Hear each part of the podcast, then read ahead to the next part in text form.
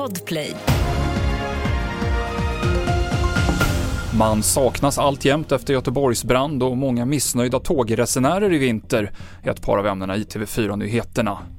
Vi börjar med att en 35-årig man döms till livstidsfängelse för två olika skjutningar i somras. På midsommarafton avlossades ett stort antal skott i Gottsunda centrum i Uppsala och en 14-årig pojke som inte tros ha varit måltavlan träffades i knät.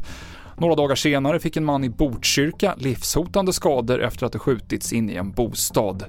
Utöver livstidsdomen får en 16-årig pojke som var med vid bägge dåden tre års sluten ungdomsvård. Polisen misstänker att en man som är försvunnen efter storbranden på Lisebergs vattenvärd Oceana finns på brandplatsen. Men eftersom det fortfarande brinner och är stor rasrisk så går det inte att söka igenom hela byggnaden. Branden utreds som arbetsmiljöbrott och grov allmänfarlig vårdslöshet. Transportstyrelsen har omfattande nätverksproblem sedan ett par timmar tillbaka. Det går inte att nå hemsidan eller komma åt vägtrafikregistret, vilket innebär att polisen inte kan kontrollera körkorts eller fordonsuppgifter. Myndigheten tror att det handlar om interna problem och inte en extern attack. Och det är inte bara hos Transportstyrelsen som det strular, det går heller inte att logga in på 1177.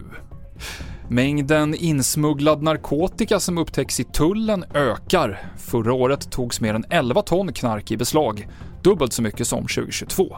Det är ju helt exceptionellt och saknar historiskt motstycke och det är ju framför allt att vi har gjort många väldigt stora beslag. 31 beslag över 100 kilo, flera av dem över 200 kilo. Det här är en medveten strategi från Tullverket att gå på den grova organiserade brottsligheten. Det är då vi gör mest nytta för samhället. Charlotte Svensson är generaltulldirektör och antalet missnöjda resenärer som söker ersättning från SJ ökade kraftigt i slutet av 2023. Under sista kvartalet ansökte 119 000 personer om ersättning för inställda eller försenade tåg. Samma period föregående år var det 49 000. SJ säger att det här beror på det kalla och snörika vädret och på tekniska problem.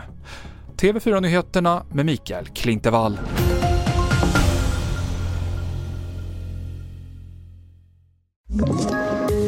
Poddtips från Podplay. I fallen jag aldrig glömmer djupdyker Hasse Aro i arbetet bakom några av Sveriges mest uppseendeväckande brottsutredningar. Går vi in med hemlig telefonavlyssning och, och då upplever vi att vi får en total förändring av hans beteende. Vad är det som händer nu? Vem är det som läcker? Och så säger han att jag är kriminell, jag har varit kriminell i hela mitt liv men att mörda ett barn, där går min gräns. Nya säsongen av Fallen jag aldrig glömmer på Podplay.